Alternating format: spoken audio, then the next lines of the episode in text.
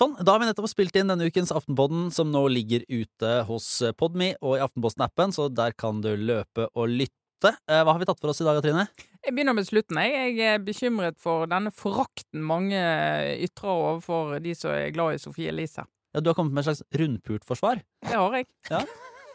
Det er sånt som skjer. Altså, og det her er i samme podkasten samme øh, en, en eh, bekymring for Fiskeridirektoratet.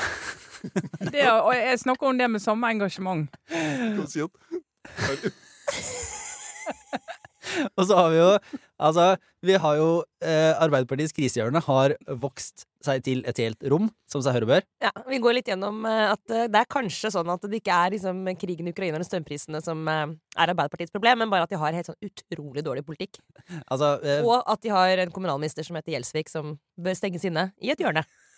Så, eh, altså her det, det går i alle retninger, eh, også denne uken i Aftenpodden.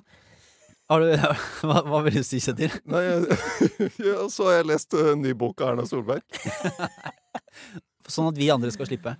Eh, denne ukens Aftenpodden ligger ute hos Podmy og i Aftenposten-appen nå, så løp og lytt. Ha det bra!